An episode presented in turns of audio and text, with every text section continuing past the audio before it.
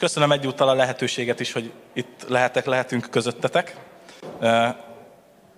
Igen, Tatáról jöttem, jöttünk Zsoltival, gyülekezetünknek az egyik, hát még egyelőre barátkozója, de nagyon lelkes és sokat szolgál velünk. És öt éve vagyok már Tatán egyébként, nagyon gyorsan mi az idő. Jövő héten lesz öt éve egészen pontosan. És Zsolti mellett ülő három fiatal ők Pakisztánba jöttek, egy Hát túl sokat nem tudok mondani róluk, mert túl sok itt a kamera előttem. A lényeg az, hogy a hitük miatt eh, ott kellett hagyjuk, hagyják a szülőföldjüket, és e, hosszú történetet rövidítve most itt vannak Magyarországon, és, a, és többé-kevésbé így próbálnak segíteni nekem, amikor megyek így külmisszióba mobilizálni az embereket, gyülekezeteket, akkor amikor tudom, őket is viszem, és egy kicsit így akkor a gyülekezetet rögtön egy külmissziós millióbe tudjuk bele, belehelyezni. Majd nem sokára ők is fognak ide kijönni, és énekelnek egyet urdu nyelven, illetve az egyikük bizonyságot is fog tenni, életében először Magyarországon egyébként, szóval ez lesz az első alkalom, nagyon izgul meg minden, és én sem tudom, hogy ez hogy fog kinézni, de jó lesz, az biztos. De miatt tovább megyek azelőtt, hadd mondjam azt, hogy, hogy őszintén mindenki kész arra, hogy ha valamit az Isten a szívetekre helyez ezen a mai délelőttön, akkor azt mondjátok, hogy oké? Okay? Hogy igent mondjak rá arra, amit mond, de tényleg? Mert egyébként meg minek jöttünk ide, nem? Tehát lehet, sok minden történik, azt gondolom ezen a mai vasárnapon, nem itt, hanem az egész világon, Istennek a nevébe, ami nem is az. Sokan mennek el ma imaházakba, gyülekezetekbe, templomokba, sokan, hát talán még ki is mondják az Istennek a nevét üres szívvel. Na hát én arra bátorítok titeket, és így az egész gyülekezetet, meg hát magamat is, hogy tényleg, ha valamit az Úr úgy érzed, hogy, hogy ez, ez most éppen neked szól, akkor ne nyugodj, hanem menj. Menj utána, hogy mit akar tőled az Úr.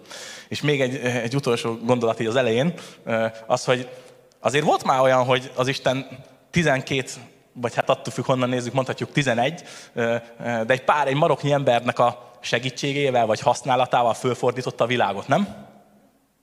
És ahogy itt azért körülnézek, sokkal nem vagyunk többen, de azért legalább háromszor annyian vagy négyszer annyian vagyunk. És képzeljétek el, hogyha volt ott 12 engedelmes ember, akik azt mondták, hogy figyelj uram, én meggyőződtem arról, Jézus, hogy te tényleg a megváltó vagy, és én megyek, és csinálom azt, amire te elhívsz, és akkor mondjuk így, hogy fölborult az egész világ, akkor itt van ez a mondjuk négyszer annyi ember, akkor mi mire vagyunk képesek?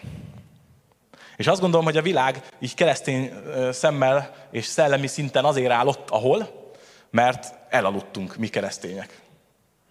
És nem ismerlek titeket, úgyhogy nem tudom, hogy ti mennyire alszotok, meg mennyire vagytok éberek, de annyit mondanék, hogy, hogy ébredj föl te, aki alszol. És akkor, ahogy elhangzott már, igazából Tatára jöttem, de amit most csinálok, és följöhet a PowerPoint, hogyha van, akkor azt mostantól használnám, hogyha lehet megmutatni. Szóval, hogy az egyházban két évvel ezelőtt megszületett egy szolgálat, amely az M28-as nevet mm, kapta vagy viseli. Ez az M28, hát az a logó, nem tudom mennyire veszitek ki, de az M28 az a Máté 28-ból indul, onnan, onnan ered, és az együtt küldetésben a, a szlogenünk. Mindjárt megmutatom egy másik képen is. Várjál, ez ki van kapcsolva, most látom. Hopp, ez az. Ja, csak várnom kell egy kicsit. Szóval nagyjából uh, így néz ki. És két éve azon dolgozunk, hogy a gyülekezeteket, illetve magán embereket, meg hát mindenkit mobilizáljuk arra, hogy, uh, hogy, hogy részt vegyenek a, a, a külmisszióban, vagy hát ugye Amblokka misszióban. És uh, szeretnék rögtön arról beszélni itt egy pár szót, csak egy pár gondolatot, hogy mi is az az M28, Nevünket a jól ismert misszióparancs alapján választottuk, hiszen a tevékenységünk fő alapíréle ez. Bizonyára jól ismeritek, de azért felolvasom. Ez így hangzik, hogy menjetek el tehát, és tegyetek tanítványá minden népet, megkeresztelve őket az atyának, a fiúnak és a szentléleknek nevében, tanítva őket, hogy megtartsák mindazt, amit én parancsoltam nektek, és íme, én veletek vagyok minden napon a világ végezetéig. De én azt gondolom, hogy ezt a bibliai hát, frázist mondjuk így, ezt rögtön onnan a szöveg kontextusból át is emelhetjük, anélkül, hogy, hogy hibáznánk a mi saját magunk világába. Szóval azt is mondhatnám, hogy talán mintha nekünk is szólhatna ez így rögtön ez az üzenet, nem? Hogy menjetek el tehát, és tegyetek tanítványá minden népet. Nem tudom, hogy ti érzitek-e a feladatokat, feladatotokat ebben az elhívásban. És ha igen, akkor mit tesztek ezért? Először is hadd had köszönjem meg azt az anyagi támogatást, amit a gyülekezet nyújtott, nem tudom, tudnak-e róla, tudtok róla, amit Pakisztánba a hanukéknak utaltunk nem is olyan régen. Beszéltem vele azóta nem személyesen, hanem, hanem online, és nagyon hálás volt, és nagyon köszöni, úgyhogy majdnem elfelejtettem, de most átadom, hogy, hogy nagyon-nagyon hálás, és, és nagyon sokat jelent az ottani missziónak majd fogok küldeni egy írásos beszámolót is, hogy pontosan mire használták föl, de mindenképpen akartam megköszönni és elmondani. Úgyhogy mielőtt tovább megyünk, akkor most lesz az a, az, a, az idő, amikor egy kicsit belehelyezek magunkat a, a külmissziós millióbe. Úgyhogy please come a, a, a, ha a 32. Zsoltárt kinyitod, ö, akkor érteni fogod azt, amiről ők fognak úrdu nyelven énekelni, mert a 32. Zsoltárt fogják elénekelni, és ö, itt talán magyarul is tudod követni. Uh, good morning, all of you. Uh, Psalm 32. ਸਿਖਾਵਾਂਗਾ ਤੈਨੂੰ ਵਖਾਵਾਂਗਾ ਰਾ ਮੇਰੀ ਅੱਖੀਆਂ ਤੈਨੂੰ लेखन सदा सिखावांगा तेनु, वखावांगा ओ ना दे बाज, ना ओ रंदे काबू विच ना दे बाज।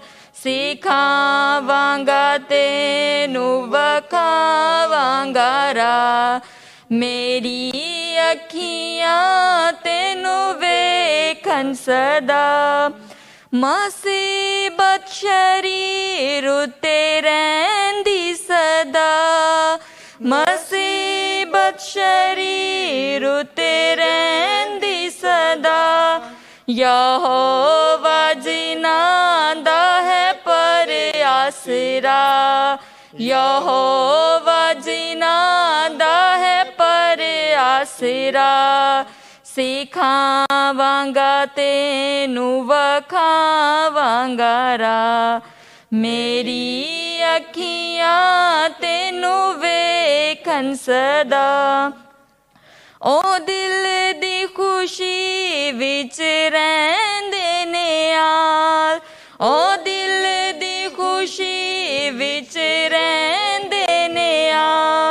ਯਹੋਵਾ ਜਿਨਾ ਦਾ ਹੈ ਪਰ ਆਸਰਾ ਯਹੋਵਾ ਜਿਨਾ ਦਾ ਹੈ ਪਰ ਆਸਰਾ ਸਿਖਾਵਾਂਗਾ ਤੈਨੂੰ ਵਖਾਵਾਂਗਾ ਰਾ।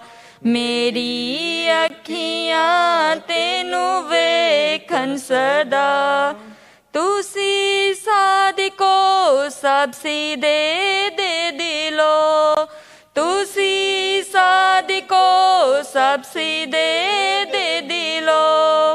यो हो वादे विच मिलके खुशियाँ करो।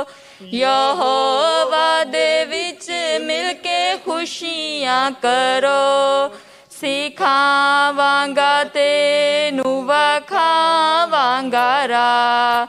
मेरी ਅੱਖੀਆਂ ਤੈਨੂੰ ਵੇਖਣ ਸਦਾ ਮੇਰੀ ਅੱਖੀਆਂ ਤੈਨੂੰ ਵੇਖਣ ਸਦਾ ਮੇਰੀ ਅੱਖੀਆਂ ਤੈਨੂੰ ਵੇਖਣ ਸਦਾ ਆਮੀਨ Akkor uh, most mindjárt elmondja a bizonságtétét, de amíg megkeresi, addig azt mondom, hogy Hát így mondjuk két-három percig hallgatni még belefér az európai fülnek, de csak ilyen érdekesképp, érdekességképpen mondom, amikor ott voltam Pakisztánban, akkor képzeljétek el egy, hát mondjuk fele ekkora termet, mint ez, de az tömve van emberekkel, tehát a gyülekezetek tele vannak.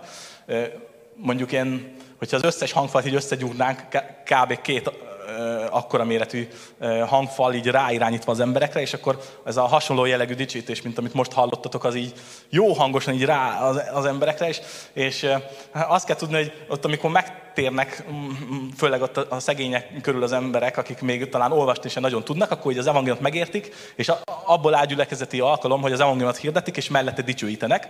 De a dicsőítés az sokszor nem értik, hogy pontosan miért megy, meg, meg hogyan, hanem inkább az az időhúzás, mert ott a kultúra az olyan, hogy ja, hogy 5 órakor kezdődik az Isten tisztelet, akkor az azt jelenti, hogy ha hétig odaérek, az még jó. és nem úgy, mint baptistáknál, tudod, ez a 10 perc az még belefér, hát ott két óra az még belefér, és akkor dicsőítés az sokszor ez, hogy, hogy menjen a dicsőítés, idézőjelben a dicsőítés, addig, amíg meg nem érkeznek az emberek. És mondom, amikor már mondjuk a 34. gyülekezetben éltem ezt át, és hallottam ezt a fajta dicsőítést, akkor már hogy Covid nélkül fájt a fejem, hogy minden, minden bajom volt, de amúgy aranyosak meg. Meg az is érdekes, hogy ugye viszonylag azért hogy is mondjam, az ötödik országgal a legüldözöttebb a kereszténység az Pakisztán, és és úgy képzeljétek el, hogy van egy ugyanekkora nagy hangfal, úgy, hogy ki van nyitva az ablak, és akkor így kirakják, hogy az egész falu azt úgy hallja egy mainstreamban, amit ott mondanak meg, amit énekelnek.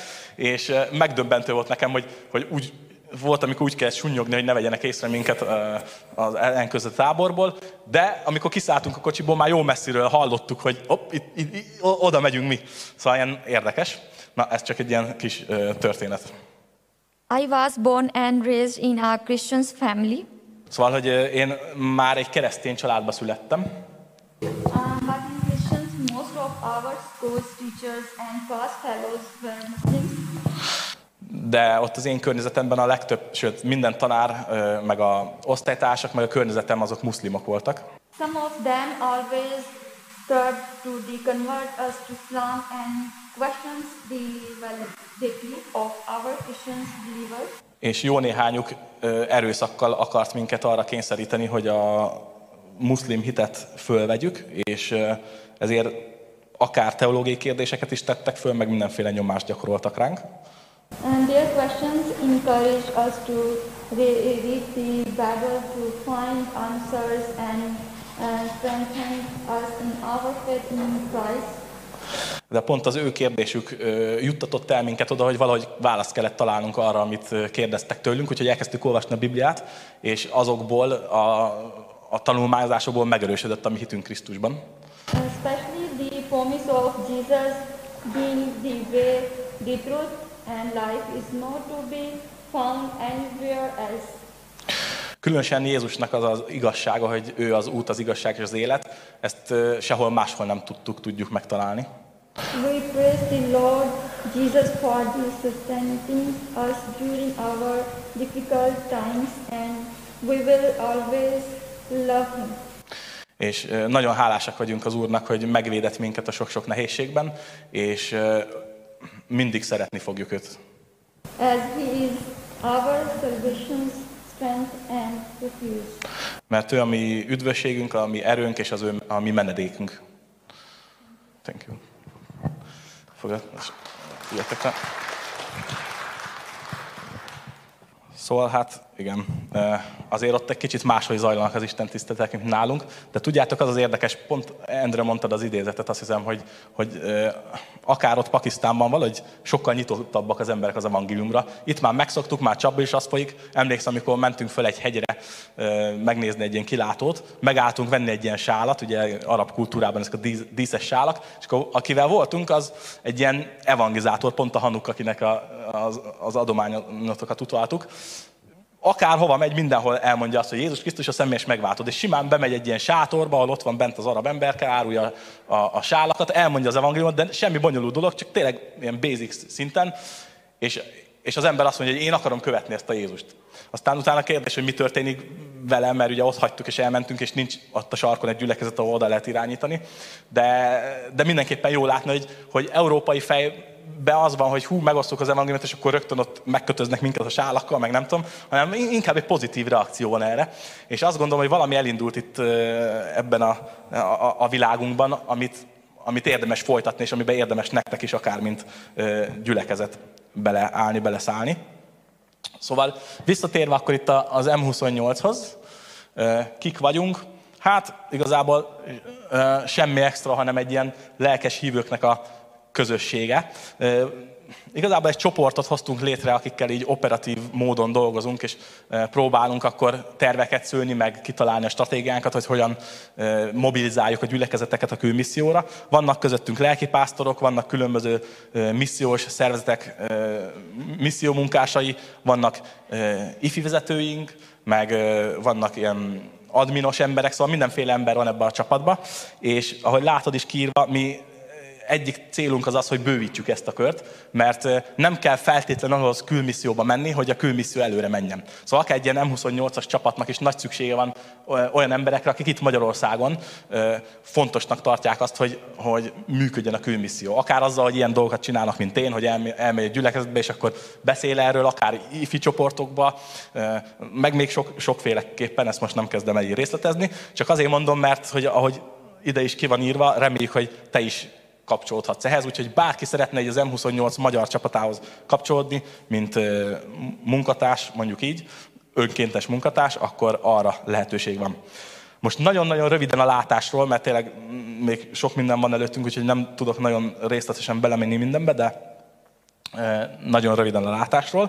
Tehát a jövőképünk az az, hogy a magyar gyülekezetek aktívan kiveszik a részüket a világmisszióban, és azaz minden, amit tesznek, azt szolgálja, hogy Isten dicsőítse minden nép. Most itt meg is állnék egy pillanatra, azt olvassuk itt, hogy, hogy jövőképünk, hogy a magyar gyülekezetek aktívan kivegyék a részüket a, a világmisszióból. Itt csak így fél mondatképpen megértem az előbb, hogy a tatai gyülekezetben én vagyok az első, magyar lelkipásztor. Előttem három amerikai lelkipásztor volt, sőt, mi több, az Esztergomi gyülekezetnek is egy amerikai volt a lelkipásztor, én magam is megtértem, és aki plantálta, a, vagy ahonnan plantálták a, a tatai gyülekezetet egy csomó mindent kaptunk külföldi misszionárisoktól. Nem tudom, hogy ez a gyülekezet, van-e kötődésetek külföldiekhez, akár amerikaiakhoz, máshogy. Mai napig is szoktak jönni hozzánk amerikaiak, angol tábor csinálni, vagy akár hollandok, szóval van egy ilyen kapcsolat. De azt gondolom, hogy mi magyarok már eljutottunk egy olyan szintre, hogy túl kellene ezen lépnünk, hogy mi csak fogadunk, meg kapunk, meg erősítsenek minket, meg értünk, imádkozzanak. Tehát ha az egész világot nézzük, akkor azt kell, hogy mondjam, hogy te meg én a világ leggazdagabb emberei vagyunk. És pontosan itt lenne az ideje annak, hogy mi magyarok kinyissuk a szemünket, és ahelyett, hogy azt mondjuk, hogy fú, Orbán Viktor milyen izé, és én ő miatt a szegény vagyok, és kevés a fizetésem. Igaz, hogy kevés a fizetésünk más országokhoz képest, de az egész világot összevetve gazdagok vagyunk. És egy csomó lehetőség ott van a kezedben, akár anyagi, akár teológiai tudás, akár infrastruktúrális, amit használni lehetne arra, hogy az evangélium menjen. Akár a belmisszióban is, de külmisszióban mindenképpen. És annyira nagy szükségét látom, hogy a magyarok fölébredjenek, hogy ne csak várjunk, ne csak fogadjunk, hanem menjünk. És itt van a jelenések hétből, a látásunk bibliai verse kifejezve, azt mondja, hogy íme nagy sokaság volt ott, minden nemzetből és törzsből, népből és nyelvből, amelyet megszámlálni, megszámlálni senki sem tudott. A trón előtt és a bárány előtt álltak fehér ruhában öltözve, kezükben pedig pálma ágak, és hatalmas hangon kiáltották. Az üdvösség a mi Istenünké, aki a trónon ül, és a bárányé. Íme nagy sokaság volt ott, minden nemzetből és törzsből. Na pontosan ez a mi vágyunk is, hogy talán majd egyszer, amikor ott állunk az Istennek a nagy fehér trónja körül, vagy a mennyben, akkor azt lássuk, hogy a magyar missziónak köszönhetően idézőjelben, mert tudjuk Isten munkája, de az M28 által, és akár rajtatok keresztül is, az emberek minden névből ott állnak és dicsérik az Istent. Milyen csodálatos lenne ez, nem? Amikor ott áll majd a Kaposvár gyülekezet, és látja, hogy na ott vannak nem tudom milyen Isztánból az emberek, és, és, és dicsőítik az Istent azért, mert mi egy pici erőforrást tettünk ezért. És ez lehetséges. Csak föl kell ébredni, és menni kell, és tenni kell, és, és ja, cselekedni kell. És akkor még egy kérdés ide az M28-hoz, az, hogy miért vagyunk. Hát, ahogy már mondtam, bátorítani és segíteni a magyar gyülekezeteket abban, hogy a világban jelenlevő szükséget és Istentől kapott ajándékaikat felismerve megtalálják saját helyüket Isten globális missziójában. És itt azt a szót húznám most találja saját helyüket. Szóval előre bocsátanám azt, hogy erre a mai üzenetre nem biztos, hogy az a jó válasz, hogy oké, okay, akkor én repülőre ülök és megyek. De valamiféle válasz biztos, hogy kell adnod rá, hogy neked hol a részed ebben, de, de a saját helyedet találd meg. Ezt pedig én nem tudom megmondani neked, hogy hol a helyed, ezt neked kell elkérni az Úrtól, hogy hol, hol, hol akar téged látni. Na itt van egy pár ember például, akik felé lehet szolgálni, és uh, mielőtt innen tovább megyek, azelőtt uh, most egy kis interaktív jelenetet fogunk uh, átélni, és Szeretnénk egy kis bepillantást adni nektek, hogy a statisztika alapján, meg számokkal hogyan működik a mai napon a világmisszió, és ebben Zsolti lesz a segítségünkre, úgyhogy gyere Zsolt, és oda is adom neked ezt a mikrofont, akkor kérlek, hogy vezesd le ezt a részt. Meg... Kedves gyülekezet, én is szeretettel köszöntelek benneteket, és tényleg jó látni, hogy milyen sokan itt vagytok ezen a mai napon is, és azt is nagyon jó volt látni gyakorlatilag, hogy itt az ének alatt is előkerültek a Bibliák, akár könyv formájában, akár ilyen világítós biblia, telefon formájában, és azon gondolkodtam el, hogy, hogy nem tudom, ti, nektek eszetekbe jutott már az a kérdés, hogy, hogy gyakorlatilag nekünk itt Közép-Kelet-Európában, Európában milyen kényelmes dolgunk is van. Biztos vagyok benne, hogy ha Gergővel így elindulnánk a város felé, az első könyvesboltba hozzájuthatnánk egy Bibliához, még vasárnatéről talán még van valami nyitva, de, de úgy alapvetően mi hozzá, hozzáférünk. Viszont akár az elhangzottak alapján is azért ugye azt sejtjük, már látjuk, hogy ez nem mindenhol van így. És megkockáztatom, akár egy biblia alkalmazás letöltésével vannak országok, vannak olyan tájai a világnak, ahol az ember akár az életét kockára teszi ezzel.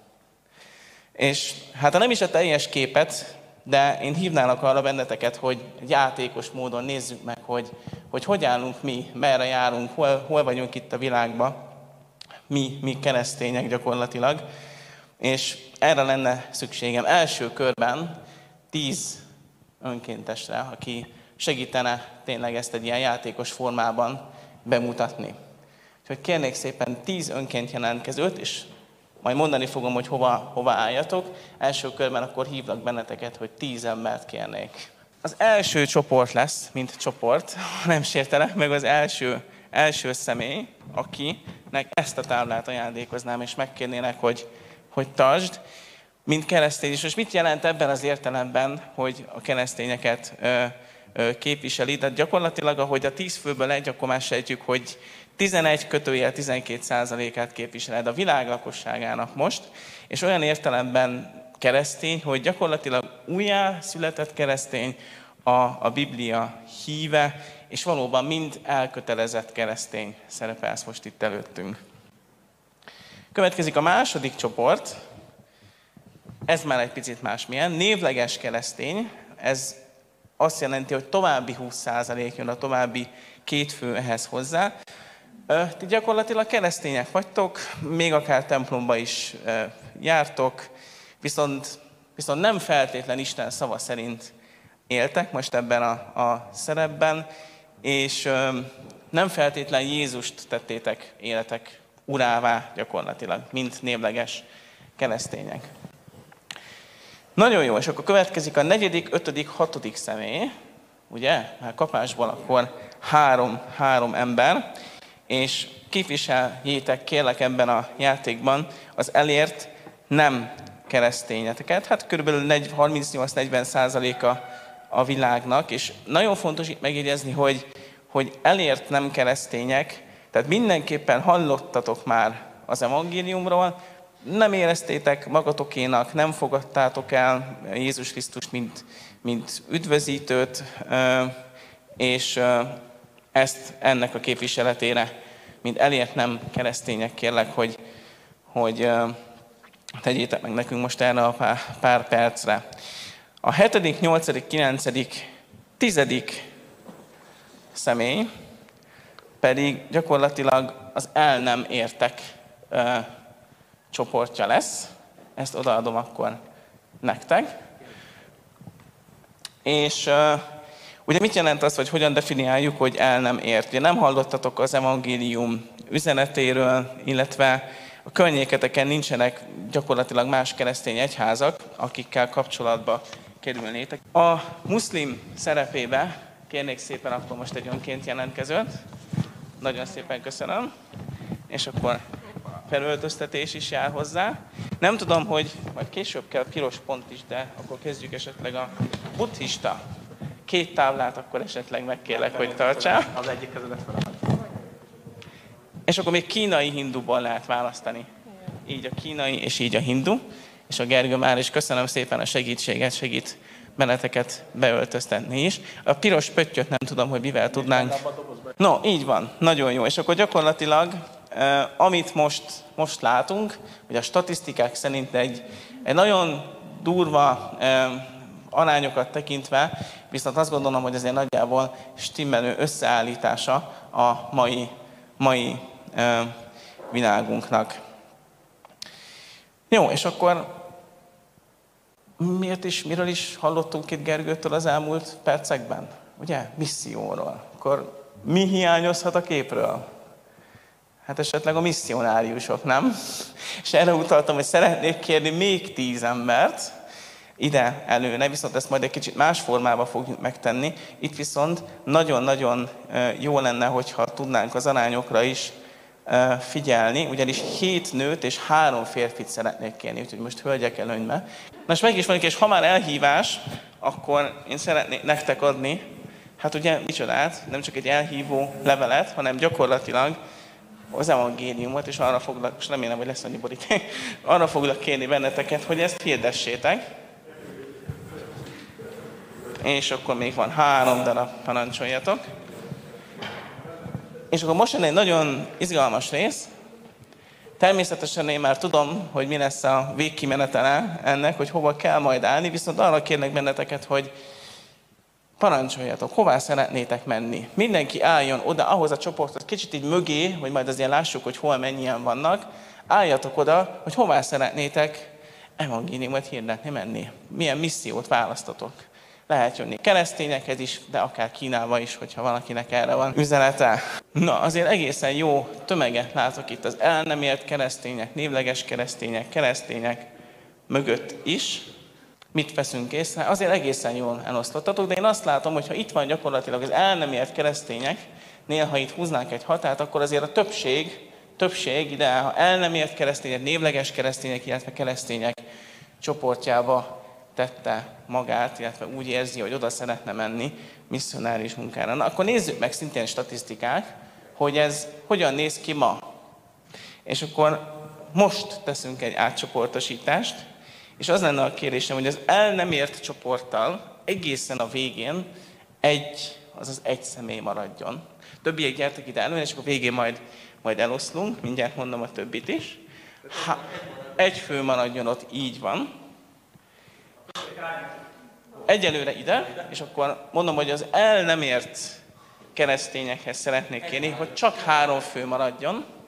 Tehát itt három fő ebbe a csoportba, itt pedig egy fő, azt hiszem itt jó kis leszünk. És akkor ide pedig három fő. Így van, meg is van. És mindenki, akit most ide kihívtam, mehet a névleges keresztények és a keresztényekhez. Ott megvan a három, aha. És akkor mindenki más ide keresztény, névleges keresztényekhez érkezzen. Na hát így most ti nem látjátok, csak én, illetve akik szemben ültök, de más a képek kicsit, nem? És így állunk ma. Így állunk ma a statisztikák ö, ö, alapján. Ö, ugye az jut eszembe, ezt ismerjük már, hogy a termés bőséges, de a munkások száma nem biztos, hogy feltétlenül passzol hozzá. Most egy kicsit ez az, ez az érzésem támad benneteket, benneteket látva. Jó, köszönöm nektek, hogyha gondoljátok, maradhattok elő. Még nagyon-nagyon picit még a mateknál maradva, hoztam nektek még több statisztikát, hogy miután látjuk, hogy, hogy ugye a misszionárisok 72% egyébként egészen, egészen pontosan a már keresztény világba megy, ahol ugye gyülekezetek vannak, hogy nézzük meg, hogy hogyan néznek ki a, az adományok, adományok, bevételek terén, terén gyakorlatilag mit, mit látunk. Ugye általánosságban elmondható, hogy kevesebb, mint 2%-a minden keresztényhez érkező bevételnek megy gyakorlatilag adakozásra. Ez, ezek, ezek, ezt higgyétek el nekem kérlek, de utána is nézhetek, ez a statisztika, ez egészen egyszerűen ezt mondja. Illetve azt, hogy ennek a 2%-nak, hogyha az a 100%, ennek a 2%-nak mindössze a 6%-a megy missziós tevékenységre, úgy egyáltalán. Tehát így erre az egész területre. És akkor ebből a, a 6%-ból gyakorlatilag megy olyan missziós munkára, ami már a keresztény világban érkezik meg. Tehát ez 87 százalék, illetve további 12% az elért világba, ami viszont én azt gondolom nagyon-nagyon fontos, hogy ennek egy százaléka, hát annak az egy százaléka érkezik meg az el nem ért világba, tehát ahol most egy főt látunk, a kb. 10, 10 százalékhoz látjuk, érkezik az egy százaléka. Nagyon sok matek, ezért egy picit szeretném ezt leegyszerűsíteni. 1000 forint adományból, és ezt nem is akartam elhinni, amikor egy statisztikát olvastam, gondolom, hogy esetleg egy elírás, 0,6 forint, ami odaérkezik a végére. Jó, ez egy kicsit talán elgondolkodtató, és ezzel fogom megkérni tényleg a részvételeteket ebben a kis játékban, és remélem, hogy sikerült azért információval ellátni benneteket. Ha más nem, akkor kérdéseteitek vannak, fog, reméljük. Viszont azért szeretném itt a Márti 24.14-et felolvasni, hogy ugye az Isten országának azt az evangéliumát hirdetik majd az egész világon, ugye? Egész világon, bizonyságból minden népnek, és majd akkor jön el a vég. Hát nehéz erre végszót mondani, de azt gondolom, hogy van még dolog. Köszönöm szépen nektek. Szóval csak annyit, annyit reflektálnék még erre, hogy ugye egy jó baptisták mindig a tizedről szoktunk prédikálni, bár én azt gondolom, hogy ha az csak ilyen, uh, hogy is mondjam, törvényszerű tizedadás, akkor az, az nem jó. De itt azt hallottuk a statisztikában, hogy ha, ha megnézzük, hogy mennyit adakoznak a hívők, akkor messze nincs 10%, hanem csak 2% összesen az egész világot összegyúrva, és annak a 2%-nak az a 0,06%-a megy ö, külmisszióba. Szóval brutális számok. A következő kérdés, amiről fogok beszélni pár szót, hogyan lehet bekapcsolódni a külmisszióba az M28-on keresztül. Előbb hadd mondjam azt, hogy rengeteg lehetőség van rá, de három fő csoportot szeretnék mutatni ehhez. Az egyik az az imádkoz, a harmadik az az adakoz, második az adakoz, és a harmadik az a menny. Tehát imádkoz, adakoz, menny. Tudod azt, hogy imádság nélkül csak ilyen kalandprogram a külmisszió is. Tehát, a, ha a Bibliát nézzük, akkor a Biblia azt mondja, hogy szellemi háborúban élünk, és amikor megyünk külmisszióba, akár amikor én mentem, akkor imádság nélkül az nem működhet, és én például úgy csináltam, amikor mentem, hogy minden nap tudtam már nagyjából, mit fogok csinálni, és minden napra kerestem legalább egy ember, de inkább többet, akik azért az adott napért, az adott szolgálatért imádkoztak, hogy megfelelőképpen működjön. És azt gondolom, hogy ha ez nincs meg, akkor, akkor halára van a dolog. És hogyha erről beszélünk, hogy na, akkor mi az én részem a külmisszióban, mit tudok én cselekedni, hát lehet, hogy vannak idősebbek itt, akik azt gondolják, hogy nehezen tudnék most akár még egy, mit én, Ukrajnába is elmenni, vagy ilyen közelebbi destinációra is, de az biztos, hogy imádkozni te tudsz. És azért, azért van itt az, hogy imádkozz, mert többen annál, mint hogy leülök a vacsoránál, és kérlek, adj ételt azoknak is, akik mit ne, üldöznek a hitükért, hanem lehet imádkozni céltudatosan is. Tehát kiválasztani akár egy missziót, és ugyanúgy, mintha mondjuk én oda mennék, te nem oda mész, hanem te azért imádkozol, de úgy erősen, úgy határozottan, és kontaktban vagy az emberrel, kérdezed, hogy alakul, és, és gyakorlatilag egy ima hadjáratot folytat. Nagyon-nagyon fontos, és enélkül nem is tudnánk tovább menni.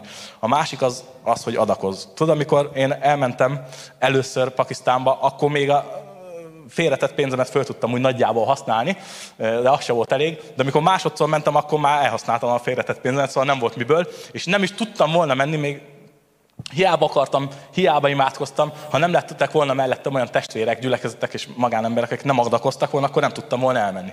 És csak egy nagyon érdekes történet ezzel kapcsolatban, hogy az Isten hogy használja ezt, hogy hogy képzeld egyszer, véletlenül, idézőjelben véletlenül egy emberke az e-mail címben bent maradt egy gyülekezetnek a levelező listáján valahogy, fogalmunk sincs, hogy hogyan, mert semmi köze nincs az a gyülekezethez, de az a gyülekezet kapta az én felkérésemet, hogyha tudnak támogassanak a, a kiutazásomban, megkapta ezt az e-mailt, fölhívott, hogy hát gyere el hozzám, és akkor én szeretném támogatni az utadat.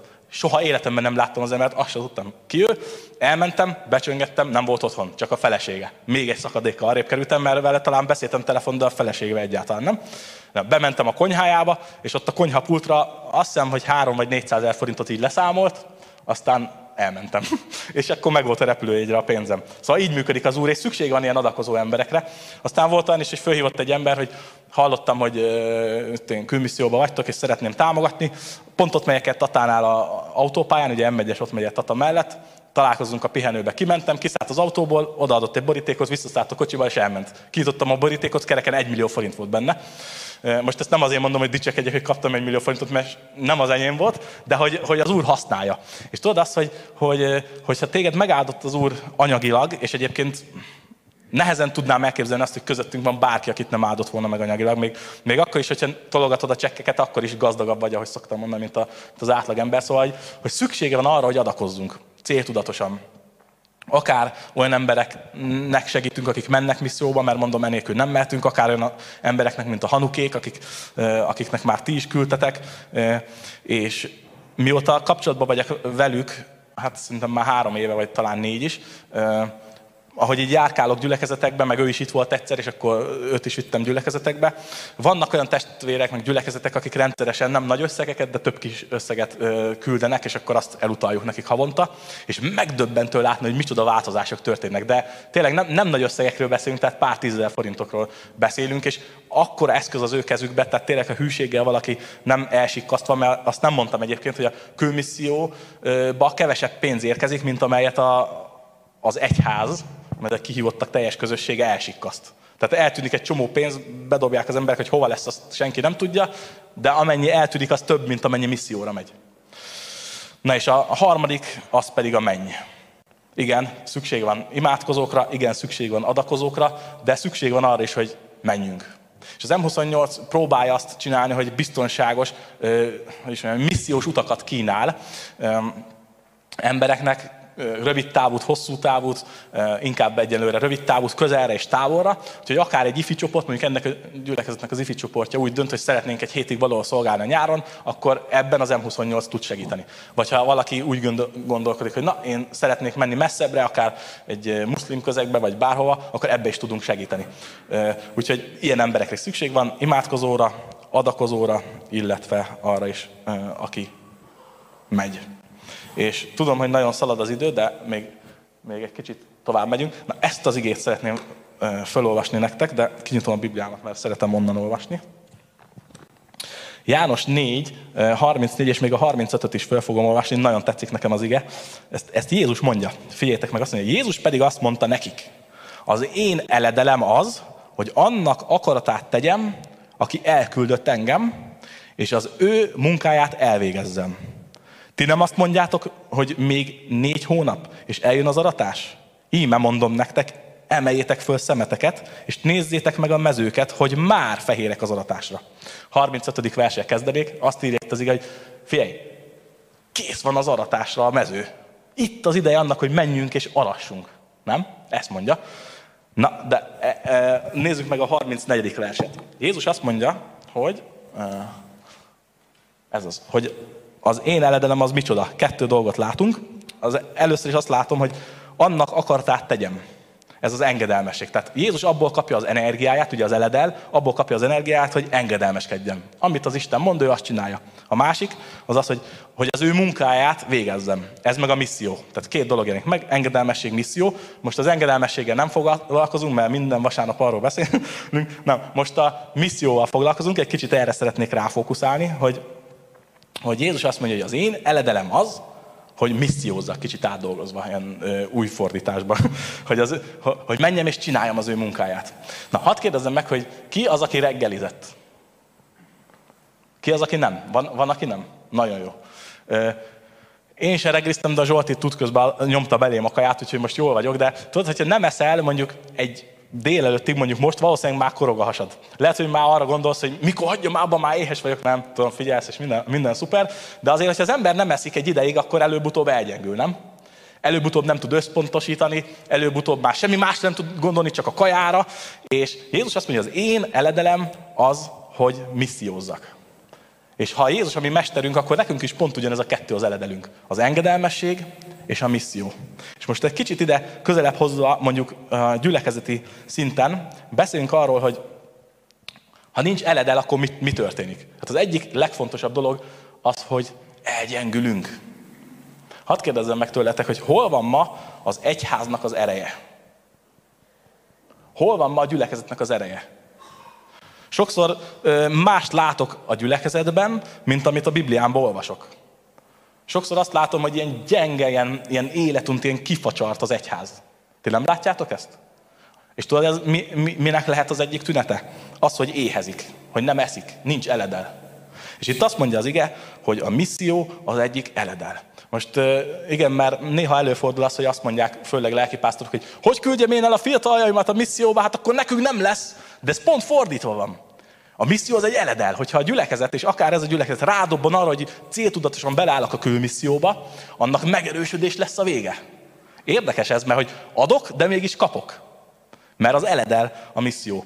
Aztán másik, amikor egy ideig nem eszünk, mi lesz a vége? Az, hogy halucinálni fogunk. De tényleg, nézd, utána éjség az halucinációhoz vezet. Nem tudom milyenhez, hamburgereket látsz talán az úton, vagy nem tudom, halucinálni kezdesz, de ez azt jelenti, hogy olyan dolgokat tartunk fontosnak, amelyek igazából nem azok. Ez a halucináció. Olyan dolgokat tartok reálisnak, élőnek, ami nincs is ott. És ma a gyülekezetekben, ma az egyházakban sokszor ez így, így van, nem? Azzal foglalkozunk, kinek mekkora a szoknyája, kinek milyen szűk a gatyája, milyen énekeskönyvbe éneklünk, milyen hosszú az Isten tisztelet, van-e dob, van-e gitár, bla, bla, bla, bla. Olyan dolgokat tartunk fontosnak, ami nem is fontos, halucinálunk. És az az éjségnek a jele. Mert nem eszünk. És mi az eledel? Nem csak az engedelmeség, hanem a misszió is. Ha egészséges gyülekezetet akarunk, akkor szükség van a misszióra. És végül, de nem utolsó sorba, mi a vége annak, ha nem eszünk? Hát halál, nem? Meghalunk. Tudod, mi vezet sok egyház gyülekezet halálához? Az eledelnek a hiánya. És ez pedig a misszió. Emlékszem egyszer, nagy takarítást csináltunk a gyülekezetben, és uh, ilyenkor, hát most már jó régen nem csináltunk itt a Covid miatt, ez is így megállt valamennyire, de, de egy ideig volt az, hogy minden tavasszal csináltunk egy nagy takarítást, így mindent kitakarítottunk, és volt egy ember, aki azt mondta, hogy ó, van nekem otthon mit takarítani, minek menjek én az imaházba. És hányszor hallottam ezt, főleg amikor készültem Pakisztán, mondták nekem az emberek, hogy ha itt is van elég szegény ember, meg itt is van, nem, mit, minek mész te oda? És tudod, arra jöttem rá, hogy akkora kegyelem, hogy nem hallgattam ezekre az emberekre, mert egészen más emberként jöttem vissza. És nem azért, mert hogy én bármit is olyan nagy dolgot tettem volna, és ez hú de jó hatása volt rám, hanem pontosan ez, hogy megetettem magamat a missziónak a lelkületével, és ez életre keltette az én lelkemet. És, és amikor visszajöttem, talán nem túlzok, ha azt mondom, hogy a gyülekezetem egy új lelkipásztort kapott vissza. Sőt, mi többé mindig, amikor mentem, vittem magammal embereket a gyülekezetemből, és új embereket hoztam vissza. Olyan embereket, akikre talán lehet építeni, meg lehet támaszkodni. Úgyhogy uh, igen, áldozattal jár a misszió, igen, talán pénzbe kerül, talán időbe kerül, az imádság, és mi most azt csináljuk, hogy Gyülibe, hogy reggel hatkor találkozunk és imádkozunk az emberekkel, és látom, hogy mekkora nagy szenvedés nekem is. Tehát, hogy hatkor oda menni imaházba imádkozni, szenvedés és a külmisszióra is imádkozni, szenvedés, nehéz, de magunkért is csináljuk. Szóval vagy úgy, úgy, áll, úgy állnak össze itt a betlehemi csillagok, mondjuk így, hogy ez jó nekem, mert fölfrissít és életben tart, mint az eledel, meg jó annak is, ahova megyek, vagy akiért megyek. És azon gondolkodtam, hogy ez miért van így vajon. Van-e magyarázat erre a törvényszerűségre, hogy Jézusnak is ez működött, az eledel, meg, meg nálunk is működik. És én egyszerű gondolat jutott az eszembe, hogy ez azért van, mert amikor fontosnak tartjuk a missziót, akkor a szívünk az együtt dobog az Istennek a szívével. És amikor ugyanaz a szívritmusunk, mint az Istennek a szívritmusa, ugyanaz a célunk, vágyunk, elhívásunk, akkor abból gyógyulás van. Nem csak ott, ahol megyünk, hanem itt belül nálunk is. És ez egyetlen egy dolog, és itt összecsatlakozik a misszió meg az engedelmesség eledel, hogy igent kell mondani az elhívásra. És olyan csodálatos a mi Istenünk, hogy mi Istenünknek van egy ilyen tulajdonság, hogy egy elhívó Isten. Elhívott engem, téged a halálból, a bűnnek a fogságából, és egy új életet adott, kihívott ebből, de az Isten elhív misszióba is. És meggyőződésem az, hogy az Isten nem csak azért hívott ki az új életre, hogy nekem olyan jó legyen.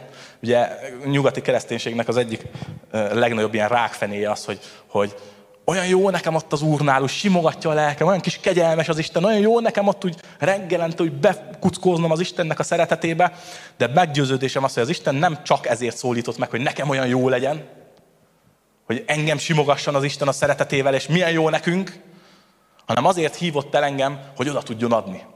Az Isten, akit elhív, azt oda is adja. Nézd meg, János 3.16 jól ismert, ige. Úgy szerette Isten ezt a világot, hogy az ő egyszülött, magyarázról szeretett, dédelgetett fiát, mit csinált vele? Odaadta. Nézd meg Jeremiásnak az elhívását, amikor, amikor elhívja Jeremiás, egy, e, egyben olvassuk ezeket, hogy én ismerlek téged, már az anyamében odafigyeltem, rád már ott ismertelek, és elhívtalak profétául, és odaadtalak. Szóval akit az Isten ismer, akit az Isten szeret, akit az Isten kényeztet és elhív, azt oda akarja adni, mert én adakozó a mi Istenünk. És nagyon nagy hibát követünk el akkor, amikor elkényelmesedünk, mint gyülekezet. És ennek a mai üzenetnek, és az egész délelőttnek, legalábbis a mi részünknek, meg a dicsőítésnek is tulajdonképpen ez a lényege. Itt az idő. És engedjétek meg, hogy imádsággal befejezzem ezt a részt, és utána, ha jól látom az órámon, akkor még öt percet így szánhatok arra, hogyha kérdés van esetleg bárkinek, akkor azt föl lehet tenni. Az nem biztos, hogy tudok rá válaszolni, de a kérdést föl lehet tenni. akkor imádkozok. Istenünk, hálát adunk neked a te szeretetedért, köszönjük neked azt, hogy, hogy te egy élő és hatalmas Isten vagy, és köszönjük, hogy a te győzelmed, amit te arattál a világ fölött, a szellemi világ fölött, az, az ma is győzelem, és hogy te legyőzted a sötétségnek az erejét és a hatalmát. Köszönjük Istenünk, hogy valami csodánál fogva te úgy döntöttél, hogy minket te megszólítasz. Köszönöm, hogy te adtál nekünk egy új szívet, egy új életet, és köszönöm Istenem, hogy, hogy, hogy ezzel egy új világba hívtál be minket. Te arra hívsz minket, hogy a te munkatársaid legyünk, Istenem. És hadd kiáltsak most ezért a gyülekezetért, ezekért az emberekért, akik a mai napon hallják ezt a felhívást, ezt az üzenetet. Istenem, ébreszt föl őket. Ébreszt föl minket. Micsoda nagy dolog, atyánk, az, hogy te, a mindenható, mindenek fölött lévő Isten minket, bűnös embereket munkatársadnak hívsz. Atyám, imádkozom azért a gyülekezetért, hogy használd őket olyan eszközként a nevedbe, amely, amely az evangéliumot hirdeti itt a városban, és tovább is. Atyám, kérlek, hogy megtéréseket, hogy hozzá találásokat ennek a gyülekezetnek a munkáján keresztül. Imádkozok Istenem azért, hogy adj vezetést is, alázatosan jövünk el, és kérjük azt, hogy te legyél az, aki megmutatod, hogy hol akarod látni ezeket az embereket, és miben. Nem szeretnénk Istenünk a másnak a munkáját betölteni a misszióban, hanem a saját helyünkön szeretnénk lenni. Ezért jövünk eléd, és kérjük azt, Atyánk, hogy mutasd meg, hogy hol akarsz látni minket. Mi az a terület, amin, amin van egy rés, ami a mi résünk, ahol be kell állnunk. És imádkozom Istenem azért is, hogy adj nekünk hálás szívet. Hogy az, ahol élünk, és az, ahogyan élünk, ez nem magától érthetődő legyen. Vedd el tőlünk a nekünk ez jár című gondolatot, és adj nekünk, atyánk, egy alázatos és hálás szívet. Mindazért, amit te adtál, és amit te cselekedtél velünk. És ad nekünk azt az indulatot, Istenünk, ami Jézusban is megvolt, aki nem tekintette zsákmánynak azt, aki, hogy veled egyenlő, hanem megüresítette magát, szolgai formát vett föl, és engedelmeskedett. Atyánk, én se szeretném, és mi se szeretnénk zsákmánynak tekinteni azt, hogy itt élünk Európában, jólétben, hanem szeretnénk mi is Jézushoz hasonló indulattal megüresíteni magunkat, szolgai formát venni föl. Szükségünk van a bölcsességedre, hogy akár az anyagi területen, hogy hogyan tudjuk ellátni az elsődleges feladatainkat, a családunkat, a gyülekezetünket, a környezetünket, de bölcsen úgy, hogy, hogy, hogy, hogy misszióra is jusson. Szükségünk van a te vezetésed az imádság területén, hiszen ahogy a tanítványok kértek, mi is kérünk, hogy taníts minket imádkozni a külmisszióért, Istenünk. Mi is sokszor elalszunk, mint a tanítványok, belealszunk az imádságba, és ellankadunk, de ébresz föl minket. Atyánk, ad, hogy a magyar térdek meghajoljanak te előtted, és, és tudjunk eléd járulni. És köszönöm, hogy mint ott a Jábec imádságánál te, te egy raktárat készítettél áldással. És mi szeretnénk ezeket elkérni tőled. Szeretnék látni egy magyar nemzetet, amelyik erős, ima harcos. És köszönöm Istenem, hogy te kész vagy, és akarod a te evangéliumot hirdetni szélese világban. És szeretnénk ebbe beleállni a szellemi háborúval, fölvállalni a harcot. Nem akarunk lusták lenni, nem akarunk kényelmesek lenni, hanem azt akarjuk mondani tiszta szívből, hogy szólj Uram, mert hallja te szolgát.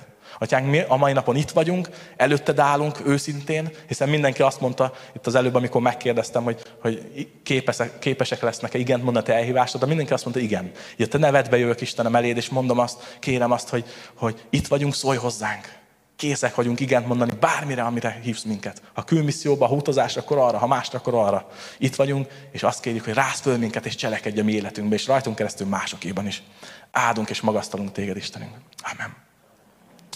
Szóval van egy kérdés, akkor azt nyugodtan lehet mondani, mert elég ilyen elhadalt volt a dolog, meg próbáltam, hogy minél több beleférjen, de hogyha van kérdés, akkor nyugodtan lehet. Ez igazából úgy néz ki, hogy többnyire Beregszászon, Ukrajnában, tehát elég közel a, szokott lenni missziós út fiataloknak.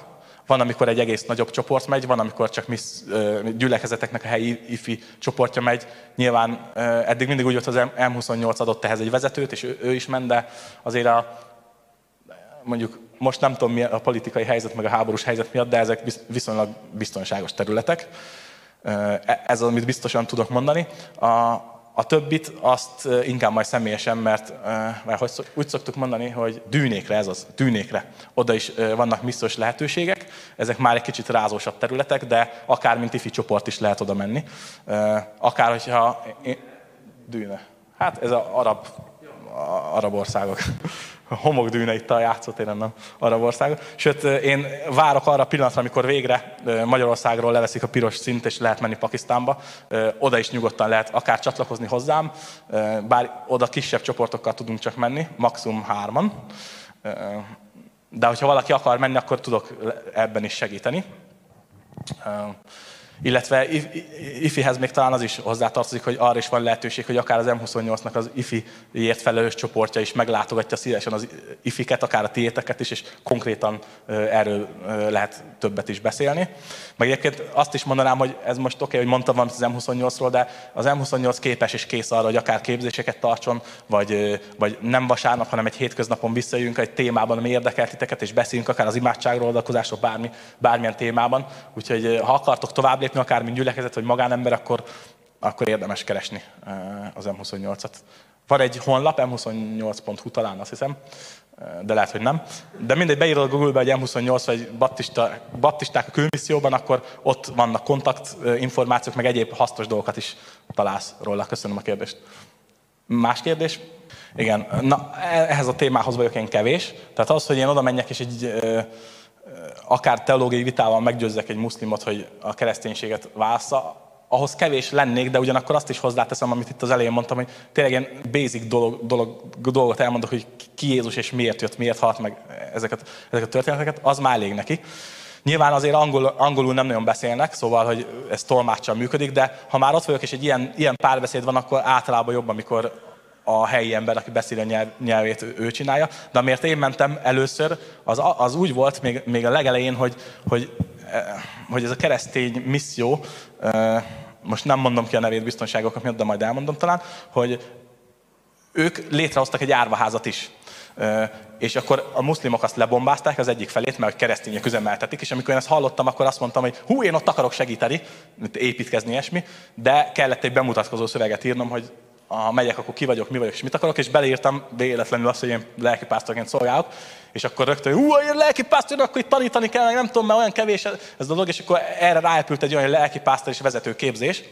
Úgyhogy e, ez nagyon érdekes, hogy azért az angolom az nem olyan jó, hogy, hogy tudjak én előadást tartani, és nyolc órán keresztül angolul beszéltem folyamatosan, nyilván fordítással, vicces volt, hogy jó, fölkészültem rendesen, meg majdnem minden szónak utána néztem, de de hogy tényleg, ha az ember azt mondja, hogy én megyek a misszióba, akkor az úr az kipótolja, akár a pénzt, ahogy mondtam, hogy leszámolták a konyhába, meg a, meg a nyelvtudást is. Tehát, hogy nem kell félni.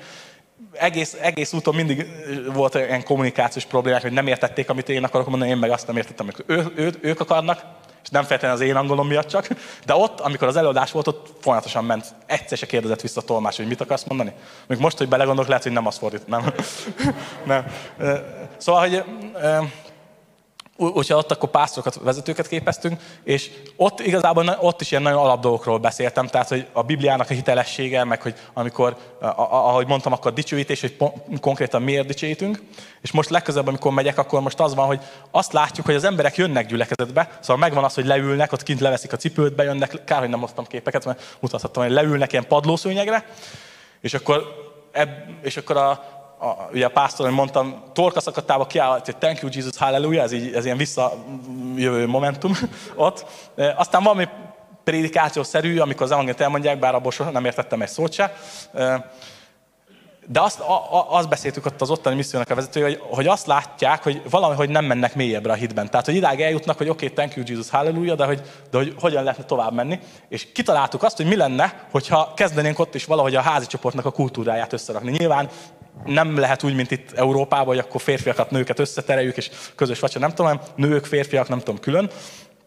És most jelenleg ezen megy a tervezés, hogy tudnánk mélyíteni azt, hogy kisebb közösségekben csoportvezetőkkel tudjanak beszélgetni, mert meggyőződésünk az, hogy ez a kulcs annak, hogy növekedni tudjanak a hitükben.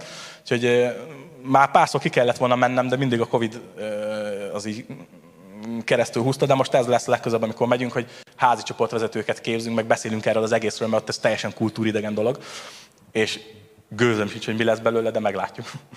Ez így válasz nagyjából a kérdésre? Oké. Okay. Még annyit, bocsánat, miért fölteszed a kérdést, hogy ez a Hanuk nevű barátom, aki kiment, ő egy migráns volt, Angliába ért a feleségével, amikor is szólt neki az úr, hogy figyelj már, menjél már vissza Pakisztánba, és ott már volt háza, kocsia, munkája, minden, tök jó életet élt, a feleségének nem szólt az úr, úgyhogy itt volt egy kis ilyen, ilyen harc, aztán őt is meggyőzte az úr, eladtak mindent, visszamentek, vettek egy földet, egyébként nagyon érdekes, hogy a földnek az értéke kb. annyi, mint itt, tehát ilyen brutál magas, és abból a pénzből, ahogy eladták a dolgét, vettek egy földet, és kezdtek építeni egy keresztény iskolát. És nagyon, nagyon kezdő szinten, de azért elindult valamiféle keresztény iskola, mert ott van, a, a, tehát körülött az iskola körül ilyen téglagyárak vannak, ahol gyerekek gyakorlatilag rabszolgaként dolgoznak, és teljes kilátástalan a jövőképük és na, ő feléjük akartak szolgálni, és akkor abból a pénzből akkor összeraktak egy iskolát, meg ja, így elkezdték, de hamar elfogyott a pénzük, szóval aztán kaptak brit támogatást, így valahogy föl tudtak építeni egy 150 férőhelyes kis iskolát, meg tanároknak fizetést, és úgy indult el az egész misszió, és ebből aztán kinőtt egy csomó minden most nőket, akiket kiszabadítanak mindenféle szexuális elnyomásból, őket például varni tanítják, hogy aztán egy kis vállalkozást tudjanak elindítani. Nem nagy dolgokról beszélünk, tényleg egy pár ezer forint, de az nekik már elég, hogy föntartsák magukat. Lelki pásztorokat képeznek, gyülekezeteket plántálnak. Jelenleg, ha jól tudom, 45 gyülekezetük van, amit, amit indítottak. És ezt csak azért mondom el, meg két év vagy mikor volt a célgyűjtés az egyházban az üldözött keresztények felé, hogyha emlékeztek rá, akkor 8 millió forint jött össze, abból 4 millió forintot vittünk ki a zsebünkbe, az, mert az egyház nem akarta átutalni, mert terrorgyanús ország, mondom, nem baj, akkor majd mi kivisszük. Úgyhogy hárman mentünk, szétosztottam kis zacskókba a 4 millió forintot, és akkor kimentünk, amikor odaértünk, akkor visszavettem, és abból a, abból a pénzből egy új szárnyat építettek ennek az iskolának, és most jelenleg már 400 diákjuk van, és egyébként ebből a pénzből, amit küldtetek, ez már megint egy további bővítkezéshez megy. Úgyhogy na, ezt csak így el akartam mondani, hogy hogy fejlődött ki ez a misszió. Te akartál mondani, Felícia? Hát ez egy jó kérdés. Én, amikor fiatal voltam, akkor éreztem azt, hogy az Úr engem elhívott egy külmisszióba. Aztán az elhívásom után mentem az akkori mentoromhoz, és mondtam neki, hogy én ezt akarom csinálni, úgy érzem, hogy az Isten oda hív, és akkor mondta ezt a egyszázalékos dolgot, hogy figyelj, már itt Magyarországon is nagyon gyerekcipőbe jár az evangéliumi kereszténység, és akkor úgy megértettem, hát akkor lehet, hogy itt van dolgom. Úgyhogy itt maradtam, nem bántam meg, jó döntés volt tényleg. De ez a külmissziós űr, ez mindig is bennem volt, hogy valamit akart tőlem az úr, és volt egy csomó lehetőségem. És mindenhol azt éreztem, hogy ez jó, mennék, mert egyébként ilyen, ilyen kaland felfedező emberek, tehát szeretem a kalandot, szóval ha hívsz valahol, én megyek. Csak, de mindenhol azt éreztem, hogy kaland miatt mennék, de nem az enyém. És egyszer, amikor a, talán többen ismeritek a Téglási Lajost, a Vecsési Baptisti lelkipásztor, jött vissza onnan, és akkor ha jól tudom, a békehírnökbe talán pont ott írt egy ilyen beszámot. Na, amikor elolvastam, azt mondtam, na ez az, amit, amit, amit, a, a, amire az úr akar engem hívni. Úgyhogy még aznap akkor már írtam is a e, pakisztánoknak, na, én mennék, ez volt az a bizonyos eset, amikor láttam, hogy lebombáztam, hogy mennék segíteni. És akkor már jött is aznap, hogy akkor írja bemutatkozót, úgyhogy gyakorlatilag pár napon belül már kész volt a terv, hogy akkor megyek, és akkor, akkor mentem, és az, az vicces volt tényleg, hogy hogy jöttek, a, a, leütettek a imaházba első padba, egy-két testvér, és akkor mondták, hogy ne, te nem akarsz oda menni, az veszélyes, meg fogsz halni.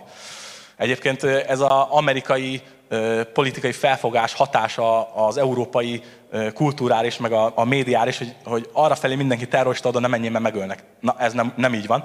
Az a helyzet, hogy ezer emberből egy, aki veszélyes, de az nagyon, és ezért kell félni. De egyébként általában abszolút vendégszeretők, meg barátságosak. Röviden. Van-e még kérdés esetleg?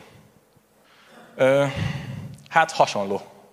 Tehát azt gondolom, hogy az a fajta teológiai tudás, ami nekünk magyaroknak megvan, az sok országban nem elérhető. Úgyhogy tényleg erre nagyon nagy szükség van, hogy oda menjünk, és ilyen alap dolgokat tanítsunk meg a, a pásztoroknak, tehát hogy képezzük őket. Én azt gondolom, hogy, hogy erre akár közel-keleten, de széles a, a világban nagy szükség van illetve gyerekek felé végzett munkára is nagy szükség van, akár Pakisztánban is, amikor mentem, én, én is szolgáltam gyerekek felé ott abban az iskolában, meg közben van egy járóházuk is, tehát az mindig egy nagyon jó irány, mert általában, és ennek a Pakisztán missziónak az egyik kulcs stratégia terve az, hogy gyerekek felé szolgálnak, és amikor fölnőnek ők egy erősebb, akkor már egy keresztény szellemiségben tudnak ott forgolódni. Úgyhogy erre nagy szükség van a, a világon, meg hát ja, akár humanitáriánus segítségre is nagy szükség van. De én azt gondolom, hogy nem azt kell nézni, hogy mire van szükség, hanem azt, hogy nekem milyen vagy azt is, de közben, hogy nekem milyen ajándékot adott az Úr, és hogy ez a kettő ez hol találkozik. Mert ott tudok akkor igazán változást hozni. Na hát akkor szeretettel köszönöm meg a lehetőséget, és bízom benne, hogy kaptatok elhívást az Úrtól.